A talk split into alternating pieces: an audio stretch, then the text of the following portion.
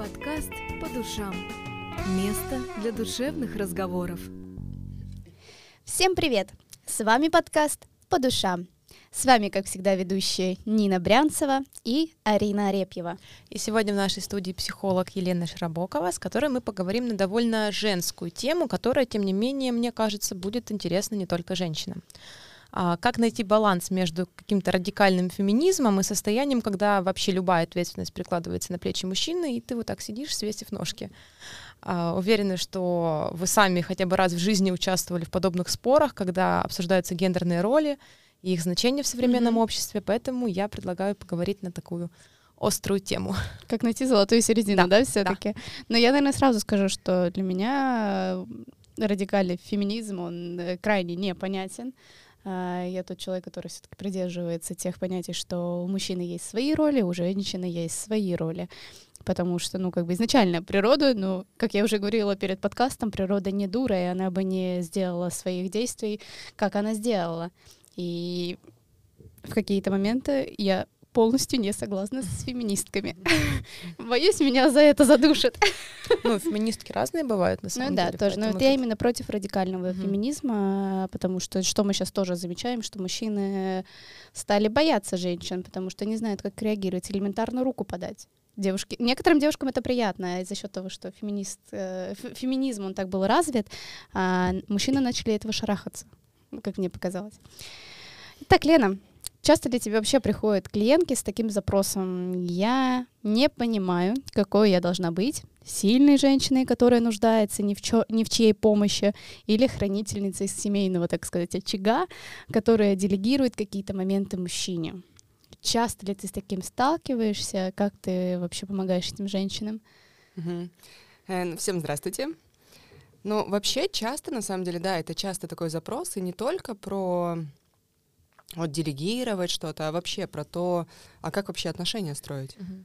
Вот часто женщины просто запутываются и не понимают, и они даже не замечают, в какую они роль сами встают, и как они сами очень сильно забирают ответственность у мужчины. Uh-huh. То есть женщина приходит, приходит например, э, с таким запросом, что мне бы хотелось, чтобы мой мужчина был более мотивирован, или мне бы хотелось, чтобы мой мужчина больше для меня делал, или uh-huh. как вдохновить мужчину.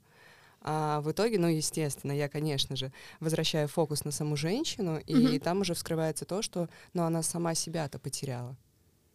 Ну да, то есть, мне кажется, в какой-то момент, а, скорее всего, женщина забывает, что она женщина. Угу. Есть ли в этом такая фишка или нет? Ну вот смотря что, ну смотря как это понимать, да, то есть женщина забывает, что она женщина. Нас же вообще не учили, как отношения строить. Uh-huh, uh-huh. И вот бывает такое, что у женщины есть какая-то идеальная, допустим, картинка в своей голове, вот она хотела бы только так и никак иначе, например. Но потом встречает мужчину в своей, uh-huh. в своей жизни, влюбляется, и первое время там гормоны, все кажется, все хорошо, розовые очки, потом вот эти проекции спадают, ну, как-нибудь рассосется, женщина начинает думать, как-то с этим мириться, мириться, а потом пытается вот как-то вдохновить, вот начинают mm-hmm. путаться роли, путаться даже не то, чтобы обязанности, не хочется это называть обязанностями, но все опирается, конечно же, в то, что нет открытого диалога и нет самого понимания у женщины, как она хочет и что она хочет. Mm-hmm. Но все же, ну, есть, э, как мы уже затронули косвенно тему мужские и женские роли. Как их определить? Что вообще это такое мужское и женское? И есть ли сейчас вообще такое понятие, вот это мужская роль, или это вот эта женская роль? Угу. Ну вот прям вот такие роли, да, вот в категоричность не хочется уходить uh-huh. в какую, потому что мы уже, ну, все-таки в новом, вре- в новом времени живем, уже uh-huh. нет, нет вообще места этой категоричности, уже не остается просто. И э, все равно есть мужественность, есть женственность. Все равно есть мужская энергия, все равно есть женская энергия. Муж, мужчины никогда не будут, не начнут рожать детей что бы ни произошло. Ну, никогда такого не будет. То есть природа этого вообще не задумана. Mm-hmm. Я все-таки больше вот именно к, к тому, как вот именно задумала нас природа. То есть какие мы по природе. И вот есть женщины, которые все равно, им более склонна вот такая текучесть, гибкость, мягкость, чувственность, эмоциональность. Mm-hmm. И есть мужественность, э, где вот именно действия, такой напор, э, сила, твердость. Вот. Но ты сама сказала в самом начале, что разные запросы бывают. Мгм. То есть женщина иногда, возможно, и не хочет, может быть, выполнять свою женскую роль, просто нужно это как-то понять для себя и осознать в начале отношений. То есть я правильно понимаю, что главная проблема в том, что люди не разговаривают перед тем, как начинать отношения, то есть как-то не обозначают, что они вообще хотят и какую картинку они хотят в итоге получить. Мгм. Они могут на самом деле даже сами этого и не знать. Мгм. И опять же, да, вот э, женщина отк- ну, там, не хочет исполнять свою женскую роль. А какая это женская роль? Вот. То есть, вот, опять же, да, какая Мгм. это женская роль? Ну, конечно, там, э, если мы берем, ну, я не знаю, какие-то такие старые, традиционные, да, то женщина готовит, это Сидит быт дома, ней, да, вот это вот уют, дети. э, Мгм. домашний очаг, дети, воспитание и так далее и тому подобное. Ну, в этом есть, конечно, истина, потому Мгм. что женщина, она, естественно, она рожает ребенка, она более склонна к воспитанию ребенка, естественно. И э, но если женщина этого делать не хочет, например, следить за бытом, ну, к примеру, возьмем вот такую обычную ситуацию нашего времени. Оба работают. Мгм. мужчина, женщина работают, оба обеспечивают семью, например, и, например, даже 50 на 50. Мгм. Но при этом где-то кто-то думает, что вот бытовые э, все задачи должны лежать исключительно на женщине. Но Мгм. тогда вопрос, почему? То есть, если, например, распределение такой э, финансовой ответственности, да, то есть именно вот безопасности, Мгм. если, если безопасность лежит на обоих 50 на 50, Мгм. то почему дом только на женщине? Ну вот, То есть где ей да. брать вот эти силы, где ей брать вот этот ресурс? И вот какая роль у женщины? Ну, это должна сама женщина прочувствовать и понять, а как она действительно хочет. Вот как она сама хочет. То есть я, например, ну, я склонна к более таким э, традиционным, что ли, ну, я не знаю. То есть я склонна более к тому, чтобы женщина следила за бытом, это да, потому что у, в женщине, опять же, заложено природой умение создавать э, уют, вот это умение, ну, атмосфера — это вообще про женщину. Мгм. То есть это именно женщина. Если женщина будет счастлива, будут счастливы все вокруг. Это именно она создает. Мужчина, ну, редко будет наводить там уют, покупать подушечки какие-то. Ну да, да, да. Это элементарно стоит прийти э, в гости к одинокому мужчине или прийти в гости к Ну, одинокой кстати, да, женщине. очень показательно. Да, ты приходишь к девушке в гости, и там и свечки, и все красивенько, Гирлянды. Ну, то есть ты приходишь, и там, ну, цветет уют. Она даже, ну, не для кого-то это делает, она это делает для себя. А придешь к мужчине, тумбочка, диван, кровать, все, Да, хватит. практично такой минимум, Да, да, да, практичный да, да, да. минимум, все, что надо. Но это естественно. Ну и плюс то, что когда женщина занимается вот этими делами, да, такими более творческими назовем, Мгм. она же наполняется очень. Как раз-таки это про женскую энергию. То Мгм. есть вот такое, я понимаю то, что я сейчас не дала какого-то конкретного ответа Мгм. на этот вопрос, да, и у слушателей мо- может появиться так, ты будешь отвечать на вопросы Ну просто вот э, какого-то категоричного, такого однозначного ответа здесь действительно нет. Вот что такое женская роль? Женская роль — это быть счастливой. Что такое мужская роль? Это быть счастливым. Это вот э, узнавать себя, проявлять себя Да, да, и да. строить вместе гармонию. Но мне кажется, да, тут все-таки зависит от определенного человека, да. Некоторые девушки захочется вот э, и, и от условий, в которых они находятся, Ка- так же как ты при- привела пример того, что двое работают, э, двое одинаково зарабатывают, ну или, допустим, мужчина больше, но по времени они на работе, вре- ну одинаково времени Мгм. проводят. И если вся бытовая роль ляжет на плечи женщины, то она в какой-то момент просто перегорит, и в ней перестанет вот эта вот изюминка быть, она, она устанет элементарно. И в, это, в этом случае, мне кажется, просто нужна помощь мужчины в этих случаях. Ну и будет такая вот картинка из карикатур, Мгм. когда женщина со скалкой в халате и с бигуди на голове. Да, да, да, да, да, вот, да. А если они элементарно распределят, то будут, мне кажется, оба счастливы. Ну, либо, вот опять же, да, по моему мнению, это вот моя точка зрения, что быт все-таки это более женское такое дело, так же как приготовление еды, например, там, ну, в общем, все бытовые вопросы. И если, к примеру, женщина не кайфует от этого, не получает от этого удовольствия, допустим, это ее не наполняет, это ей в тягость, но есть женщины, которые не любят готовить. Это же Мгм. нормально, почему бы нет? Она не любит этого готовить. Ой, не любит готовить. И она может, например, это организовать. Доставка еды. Мгм. ресторан, но оплачивает это мужчина.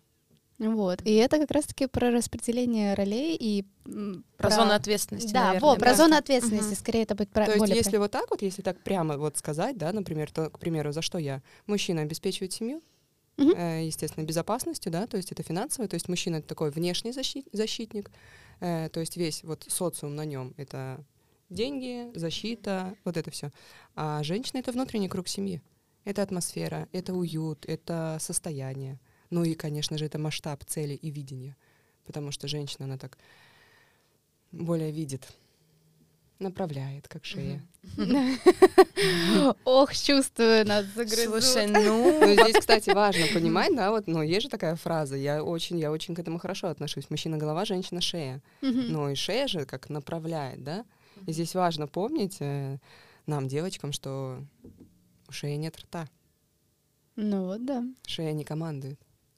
Но Ну, Слушай, ну ты сейчас такую картинку описала, какую-то, может быть, даже идеальную в чем-то, но Мгм. такого же часто не бывает. Женщины, когда приходят в отношения, они, возможно, уже с каким-то опытом своим, с какими-то, может быть, травмами, может быть, даже из детства, когда она привыкла, что на ней ответственность, например, что она не чувствует себя безопасности, и она сама должна эту безопасность для Мгм. себя обеспечить. То есть, возможно, у нее, например, было какое-то там детство без отца или что-то в этом роде, и она вот чувствует, что она ответственна за свою судьбу, за все, и все пытается контролировать. И вот она приходит в отношения, она просто не может выполнять вот ту роль, о которой ты говоришь. Что в таком случае делать? Стоит ли это исправлять или просто искать мужчину, который тоже Который заменит ей папу? Ну, может быть. или будет покладистым с ней. Ну, да. Типа вот она сказала, он такой, ну ладно, сделаю. Так, как ты Мгм. сказала. И в итоге у мужчин ну, пропадает вот э, мужественность, мне кажется, очень Мгм. сильно. Вот Мгм. ты мне что-то Ну вот это плохо или это просто вот как вариант сосуществования, когда и один, и второй человек как бы травмирован чем-то, и вот они просто находят друг друга. Но они, получается, являются такими некими костылями, так назовем, М. вот, э, друг для друга, да, или, ну, как поддерживают травмы друг друга, может быть, можно так сказать. Если это обоих устраивает, но это их выбор. То есть это опять же выбор. Если у них не хватает, вот на данный момент у них не хватает внутренних сил, готовности, понимания вот того, что нужно как-то все-таки трансформировать отношения или себя, Мгм. они не готовы с этим что-то делать, опять же, это их выбор, ну, войнот, да, как говорится. То есть мы Мгм. не можем же людей заставлять. Ну да. Конечно, хорошо бы проработать свои травмы и уже тогда именно жить в гармоничных отношениях, потому что это будет совершенно другой союз. Когда женщина находит себе мужчину как замена отца, это же такое, ну, расстановочное, такая сильная такая смена ролей получается. Мужчина никогда не будет отцом. Э, и она никогда не будет для него доченькой. То есть, да, есть на самом деле, если мы посмотрим такое, э, как распределение э, ролей по разным сферам жизни, Мгм. то есть вот моменты, когда женщина проявляется как доченька, Мгм. мужчина как папа, да, это, например, какая-то забота, подарки, как когда женщина радуется, как девочка, Мгм. девочка. Мгм. Но это так, ну, как метафорично больше. А если прям вот э, женщина находит в мужчине отца, то, скорее всего, эти отношения будут уходить, ну, так, гаснуть, гаснуть, гаснуть, потому что, ну, они не вынесут эти роли, это невозможно просто. Это будут либо конфликты постоянно, либо... Вот что у меня сейчас какая мысль пришла. А, между отцом и дочерью никогда не будет страсти. Мгм. Да. А в любви страсть — это то, что движет в целом любовью. Ну, как бы один из э, спектров любви это, это страсть. И без нее отношений здоровых и классных, от которых ты будешь прям гореть, ну, не может существовать, мне кажется. Поправь меня, если я не права. Да, конечно, права. Мгм. То есть а, и в таких случаях, да, и теряется вот эта женская энергия, про которую мы говорим, и теряется Мгм. мужская роль Мгм. и мужская энергия. Мужчина становится таким, не хочу сказать тюфиком, но нет другого слова не придумать. И, а женщина становится вот той бабой с яйцами, которая Мгм. должна тащить на себе весь этот груз. И что я читала, и что я видела, что я слышала, после таких а, длительных а, ролей, после таких тяжелых отношений, ну, может быть, отношения не сами тяжелые, а вот этой тяжести, которую женщина несет, это все выливается в ее физическое здоровье. Мгм. Мгм. Но в любом случае, любой стресс, любой, любые вот эти накопленные, непрожитые эмоции, да, они в любом случае отражаются на здоровье. И неважно, там даже в отношениях, не в отношениях, в любом случае. А так вот, ну да, это уже другой пример, да, это не пример, когда вот именно де- э, женщина становится дочкой, а мужчина Мгм. отцом. А вот если брать другой пример, вот когда женщина, как ты сказала, баба с яйцами, а мужчина такой тюфяк, то вот часто здесь бывает такое, что женщина сама на самом деле очень много у него ответственности забрала, Мгм. и сама это все тащит, сама на это соглашается, при этом ненавидит его за это, очень сильно на него обижается И на себя тоже злится. и жалеет. Да. Слушай, а как разорвать этот порочный круг? Просто бросать человека, искать кого-то другого, или можно что-то с этим сделать? Да, бросать человека найдется точно Мгм. такой же. Ну, вот, я- Ну Ну, да, то то есть это... Мы всегда в свою да. жизнь привлекаем того партнера, который соответствует нашему внутреннему наполнению, да, нашей внутренней наполненности. Не просто же так, э, ну не просто так нам встречается в жизни определенный партнер. И если женщина просто вот сменит одно зеркало, ну появится другое где она увидит то же самое, в принципе. А что с этим делать? Это раз- разбираться в причинах, почему у нее. Ну, понятно, да, все проблемы там из детства, куча, может быть, разных причин, но именно прорабатывать свое недоверие, Мгм. э, свою безопасность очень важно, вот эти внутренние опоры находить и приходить к себе, то есть вот именно чувствовать себя, кто я, что я хочу, э, без страхов. Ну, это сложно, Ну да. без страхов. Мгм. Ну, конечно, сложно. Не, ну страхи-то всегда будут, они никуда не денутся. Ну, конечно, всем страшно, да? Нет ни одного человека, кому вот вообще ничего никогда не страшно. Но, опять же, это выбор. Хочешь счастливые отношения? Да. Иди, работай над собой. Да, тут э, тоже про как раз-таки ответственность э, за, за свою жизнь. Мне кажется, если не ты, то тебя и партнер не заставит измениться, ни твои родители, никто. Ты сам должен захотеть э, что-то поменять в своей жизни. И не просто захотеть, а начать что-то делать. Мгм. Элементарно, не знаю, книги почитать. Нет денег на психолога, посмотрите видео в YouTube. Ну, как бы, а их очень много. И можно найти своего того самого любимого психолога в YouTube, который ты посмотришь видео, потом такой, о, а тут вот я не права, а тут вот так можно сделать, и можно так сделать. Поэтому, да, работа, Мгм. работа, работа, и она требует очень много времени. Ну вот- Ну, это да, но мне кажется, нужно начинать с того, что осознать, что Мгм. ты сам что-то делаешь не так, потому что в большинстве случаев мы виним другого человека, потому что очень сложно как-то признать свою вину, свою ответственность. Мгм. Потому что это же нужно признать, что ты не прав, что ты что-то сделал не так, что ты не идеальный, А это как бы, ну, не все 100%. могут, мне кажется, да. Да, то есть это такой это вопрос не почему он лежит на диване, Да. не почему он ничего не хочет, не как сделать мне, чтобы он встал, как мне его мотивировать, да? Мгм. И женщины часто, кстати, начинают совершать такую ошибку. Ой. Они начинают своим э, примером пытаться его научить. Да, да, да. И То это есть не работает. Вот я сейчас покажу, как деньги надо зарабатывать, Мгм. ну, например. И вот этим самым, на самом деле, она транслирует мужчине то, что, смотри, ты не смог, а я смогла. Видишь, какой ты слабак. То есть, да, это вот э, про то же, что когда женщина дает мужчине деньги, например, э, когда женщина содержит мужчину финансово, то есть это все про то, ну, это все то же самое. Мужчина будет все равно чувствовать себя, ну, ну, как сказать, ну, ничтожеством. Может быть, не осознавать это сначала, э, в начале, да, а потом все равно. Он будет чувствовать себя тем, что вот он не смог рядом с этой женщиной. Любой мужчина хочет себя чувствовать королем, Мгм. защитником, героем. И если с ним рядом та женщина, вот смотря на которую он понимает, что я не смог, ну, он не будет себя так чувствовать, естественно. Ну да, теми самыми действиями мы просто убиваем мужчине Мгм. того мужика, который бы ради нас э, свернул горы. Ну да, и вот здесь как раз-таки вот этот вопрос есть, что женщине стоит задавать не вопрос, как, почему он, а как я это создала в своей жизни. То есть почему я это притянула, почему Мгм. со мной рядом такой партнер. Вот что во мне такого, э, что привлекает такого мужчину? Вот что? Изменится сама, может, и он изменится. Мгм. А, я бы хотела сейчас немного подкаст э, в другую сторону свернуть, Мгм. не затрагивая отношения, а поговорить о том, вот именно о женской энергии. Мгм. Представим а, красивую даму. А, она сейчас, возможно, одинока. И вот она проходит мимо. Она, может быть, не самая красивая, да, там, может быть, у нее что-то что не так с внешностью, но она проходит, а ты от нее глаз оторвать не Мгм. можешь. Но это вот и есть про ту женскую энергию, вот про эту женственность даже, которая вот прям веет. Мгм. Вот у меня вопрос. Вот с этой, а, ну, как бы отделить, э, определить мальчик или девочка, да, когда ребенок рождается, очень просто, да, Мгм. по одному фактору.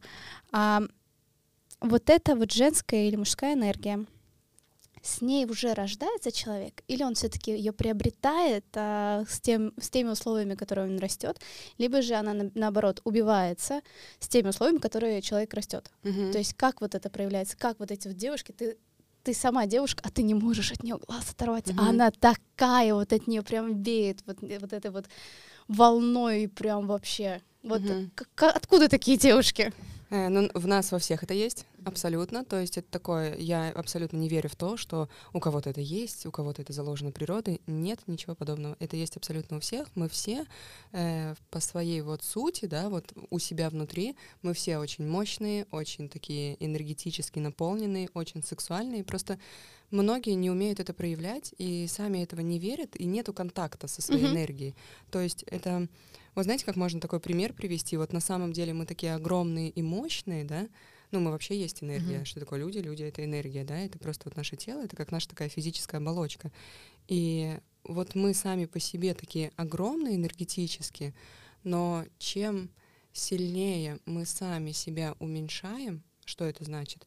Это значит, чем больше у нас всяких страхов, блоков, мыслей, негатива, вот этого всего, тем меньше мы как будто бы становимся, uh-huh. именно энергетически.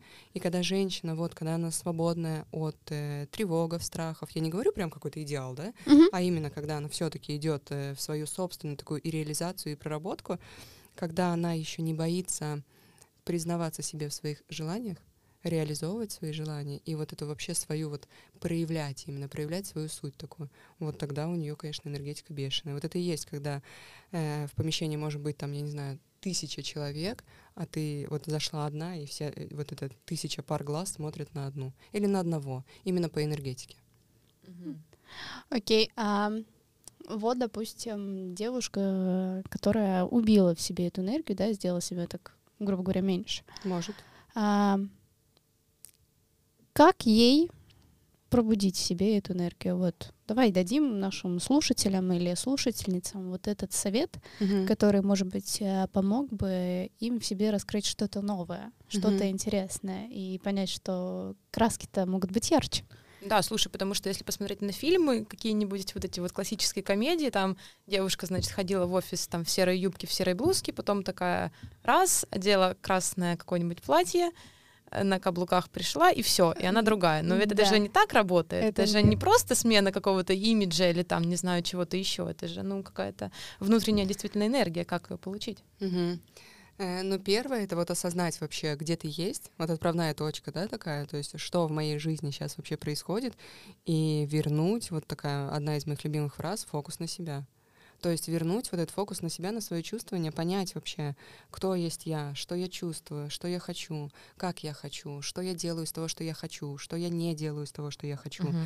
То есть вот такое первое, это именно вот э, открыть глаза на то, что ты цена вот сама по себе не потому, что ты какая-то красавица, да, по каким-то, я не знаю, стандартам непонятным, не потому, что у тебя там куча дипломов, не потому, что у тебя образование, не потому, что у тебя мужик крутой, просто вот потому, что ты родилась, ты уже прям вот королева.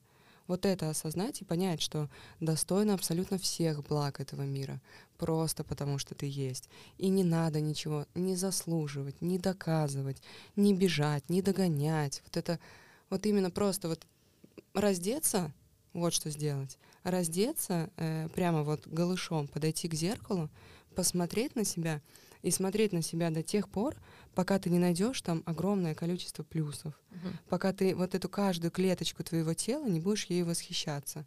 Вот смотреть не с той мыслью, потому что, ну, вот так вот мы же создаем, да, нашу реальность. Э, один из способов создания реальности — это наши мысли. Угу. И если девушка будет смотреть на себя в зеркало и говорить, боже, тут складка, тут целлюлит, ну, естественно, она будет только это и видеть. Mm-hmm. А если она просто вот немножко фокус своего внимания чуть-чуть направит на другое, ой, какие у меня реснички. Обалдеть, какие у меня коленочки. Вау. Я никогда не видела, что у меня такие классные пяточки. Ну, то есть, да, на такую даже, казалось бы, мелочь, которая часто кажется уму каким-то абсурдом, боже, что за бред. А вот подойти и сделать. Вот когда мы говорим вот это от ума, не понимаем э, именно умом, что за бред, да зачем это делать, вот просто сделайте и прочувствуйте, потому что вот это как раз-таки, да, раскрытие нашей энергетики, энергии, это именно про чувства, это не про мысли. Мы в своей голове все все знаем, все умеем, прекрасные теоретики. Проблема не в том, что мы чего-то не знаем, проблема в том, что мы не делаем. И просто вот э, начать чувствовать, вот это важно. Говорить себе комплименты, начать чувствовать и вообще понять, э, что ты хочешь. Mm-hmm. Вот чего именно душа просит.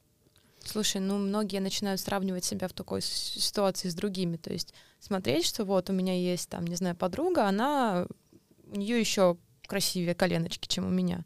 Или на, наоборот, например, вот я посмотрю и скажу, о, а это лохушка какая-то. Ну, то есть как вот в это не скатиться, в какую-то вот оценку себя по сравнению с другими. Э, ну, здесь такое первое, это можно, во-первых, напомнить себе то, что именно благодаря твоим коленочкам, да, ты mm-hmm. ходишь, танцуешь, двигаешься и много чего в этом мире вообще делаешь, mm-hmm. то есть уже такая, э, через это на самом деле может проснуться огромная благодарность телу, mm-hmm. что вот какое бы оно ни было, да, но оно настолько вот нас чувствует, оно принимает наши разные, не совсем такие для здоровья решения, там какая-нибудь еда, mm-hmm. алкоголь, бессонные ночи, например, да, но тело у нас выдерживает это все. И вот благодарить и как себя не сравнивать с другими, это именно свою вот эту самоценность взращивать. То есть, вот знаете, вот можно, в принципе, вот всю жизнь себя сравнивать с другими. Ну и кому легче? Ну, кому легче. Ну, то есть, да, это так легко сказать, да, кому легче. А можно вот просто, опять же, напоминать себе, от чего ты хочешь. Ну, то есть э, можно вот, знаете, как вот с этими со всеми проработками на самом деле, проработки страхов, проработки комплексов, проработки сравнений, бла-бла-бла, можно вот это все вот отдельно потратить всю свою жизнь на проработки всего прошлого, травмы, детства, прошлое воплощение, регрессии, там все что угодно, э, а можно вот именно свое ядро усиливать и увеличивать. То есть можно не через внешнее идти, а через внутреннее такое mm. совсем, вот именно со взглядом не в прошлое, а с фокусом на будущее, на здесь и сейчас. Как я могу прямо сейчас улучшить свое состояние? Потому что вот, ну, вот э, как вы сами, да, скажете мне, что были ли у вас такие классные, вот такие наполненные, офигенные состояния, когда абсолютно пофиг до всего, когда нет страхов, когда нет сомнений, когда ты точно знаешь, что у тебя все получается, ты королева. Mm. Бывает же. Просыпаешься в зеркало и ни с того ни с сего смотришь, вау, у меня сегодня брови, брови так легли. Ну, то есть, ну, или что-нибудь такое. И вот, а представьте, если в таком состоянии жить всегда. Ну, или хотя бы 80 на 20. Это было бы очень круто. Ну, то есть я сейчас, допустим, сравниваю это все на себе, я в любом случае, когда мы общаемся в, подкаст, э, в подкастах э, с психологами, я все эти ситуации примеряю на себя, и чтобы понять, как я на это реагирую, как, как у меня вообще в жизни. И я сейчас задумалась о том, что а, если в какой-то момент, допустим, я к себе, как, ну, к телу отношусь хорошо, то в какой-то другой сфере, типа, допустим, на работе, я думаю, а вот там-то я могла получше, а тут я не доделала. И вот это вот самокопание, оно все равно идет. Uh-huh. То есть в какой-то сфере я такая, вот тут я молодец, а там вот я такая, а тут не молодец, а тут uh-huh. надо было получше. То есть вот это все-таки присутствует.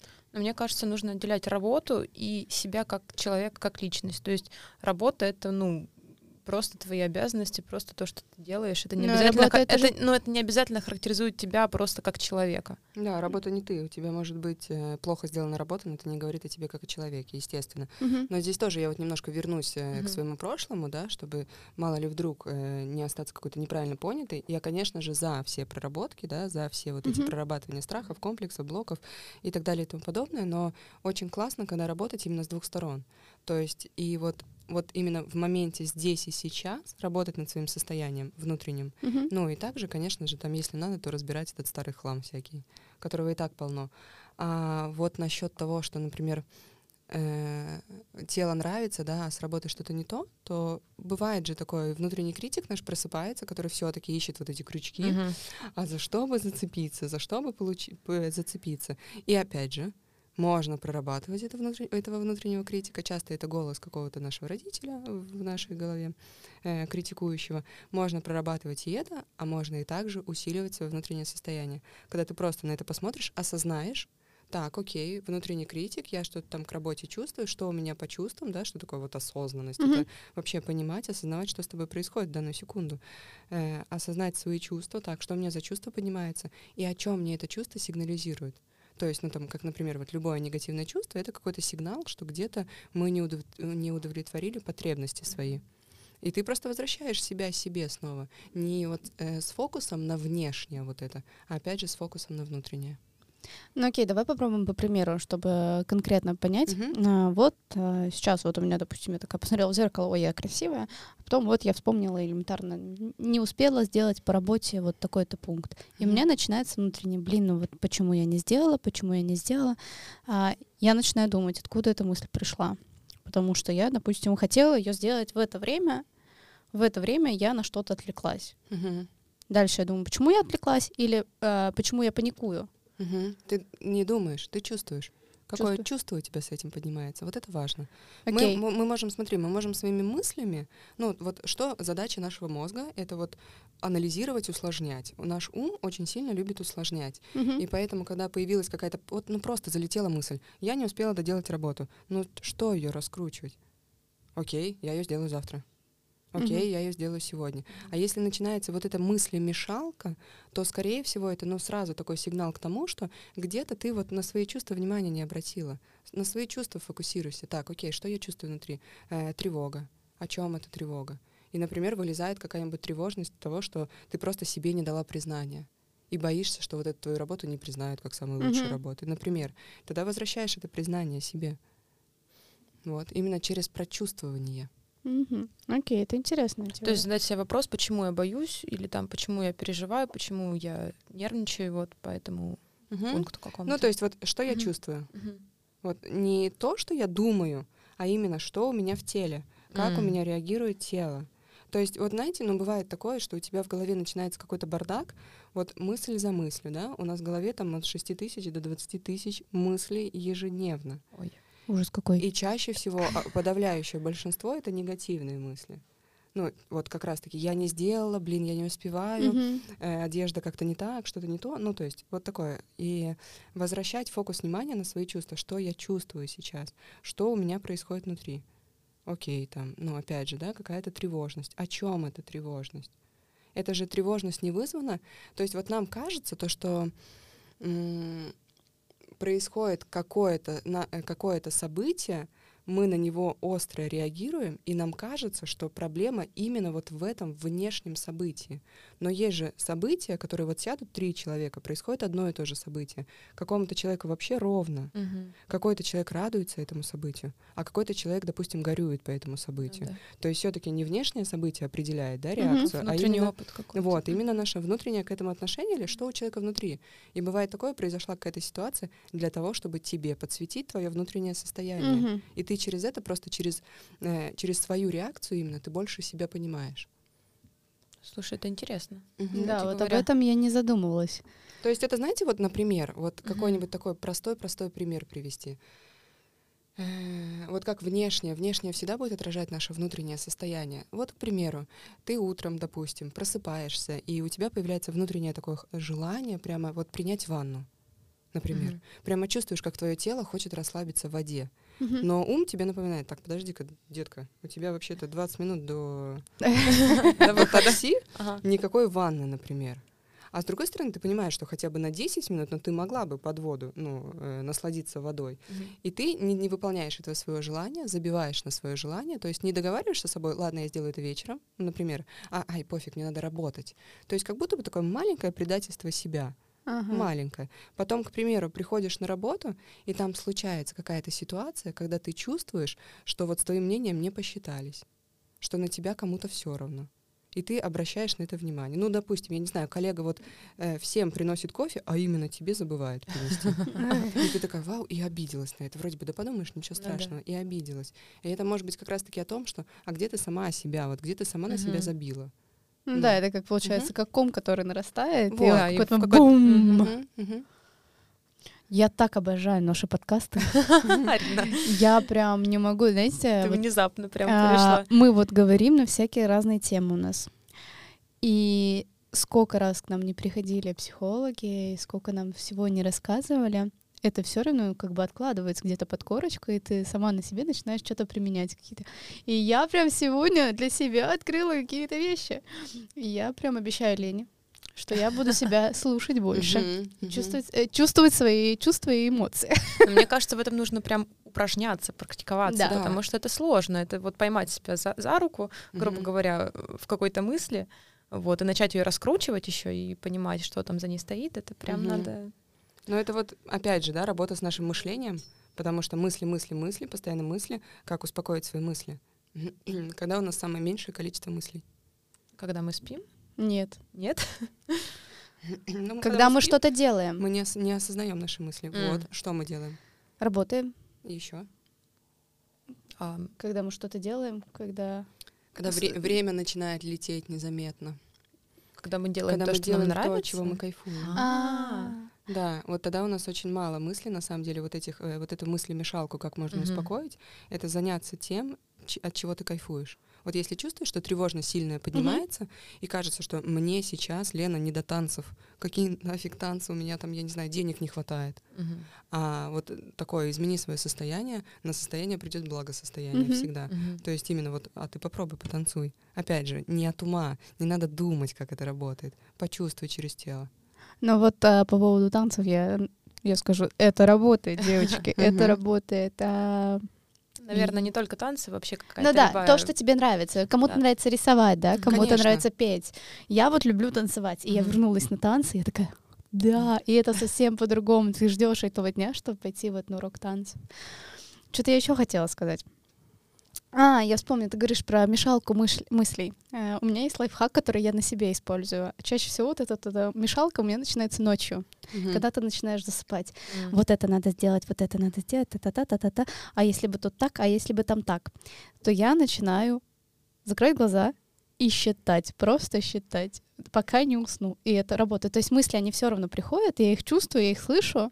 И я такая, нет, один, два, три, четыре. И вот пока... Слушай, у меня никогда такое не работало. Честно тебе скажу, мне всегда говорили, вот давай считай овец, считай баранов. Ну как-то не знаю, почему-то у меня это не пошло, если честно.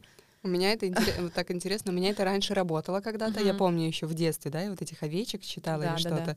И я много же долго работала тренером, много проводила тренировок, и я там постоянно считала повторения клиента, да, там. И в итоге я наловчилась так, что я могу о чем-то говорить, но параллельно могу считать, сколько э, сделано. Или что-то А. объяснять технику упражнения, например, но параллельно считать, сколько выполнено.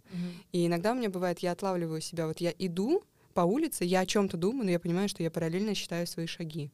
И поэтому я могу вот считать и думать все равно вот эта мысль-мешалка. Э, Я, я поделюсь еще одним лай- лайфхаком. Это опять же, да, ну я очень много говорю именно про фокус на тело, про чувства, потому что, ну, тело это вообще самое такое, самое верное. Э, Вот ты начинаешь просто фокусироваться и расслаблять каждую часть тела в отдельности.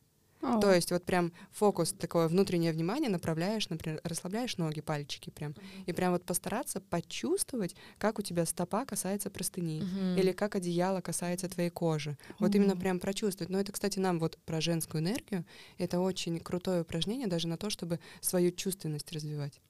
Вот просто вот трогать, вот эта тактильность, да, именно, и ощущение в теле. м, Вот именно даже так. Э, И это вот перед сном это очень расслабляет. Надо попробовать. Надо попробовать. да. Да, я прям попробую, возьму. А мне еще муж посоветовал э, когда-то, когда ему сказал, блин, да что-то я уснуть не могу. А, он сказал, а вспомни какой-нибудь свой самый любимый день, ну вот, э, которые остал- остались у тебя эмоции Мгм. такие, вспомни его детально.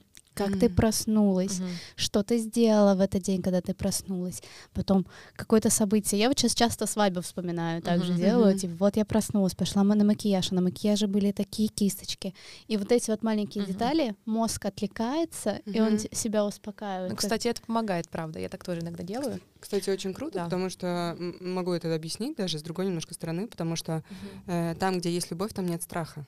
И то есть вот эти все наши тревожные мысли, Мгм. когда их очень много, ну там страх есть. А когда мы вспоминаем, мы погружаемся в это состояние, которое мы испытывали в день, когда было Мгм. много любви или много радости, да, та же любовь, Мгм. э, тогда страх уходит, тревожность уходит. Организм расслабляется, тело расслабляется и засыпаешь. Ну, сегодня прям подкаст был, мне кажется, наполнен всякими клевыми советами, всякими классными лайфхаками, и мы разобрались, как работает вообще женская и мужская энергия, за что, Леня, огромное спасибо. Я прям кайфанула для себя опять на заметке. Очень много вещей взяла. Вам большое спасибо. Ну, я думаю, ты к нам еще придешь. Я с удовольствием. Говорим о чем-нибудь интересном. Ну, а с вами был, как всегда, подкаст «По душам». Ведущие Нина Брянцева и Арина Арепьева. А в гостях у нас была психолог Елена Широбокова. Спасибо всем. Пока. Пока-пока. Пока. Подкаст «По душам». Место для душевных разговоров.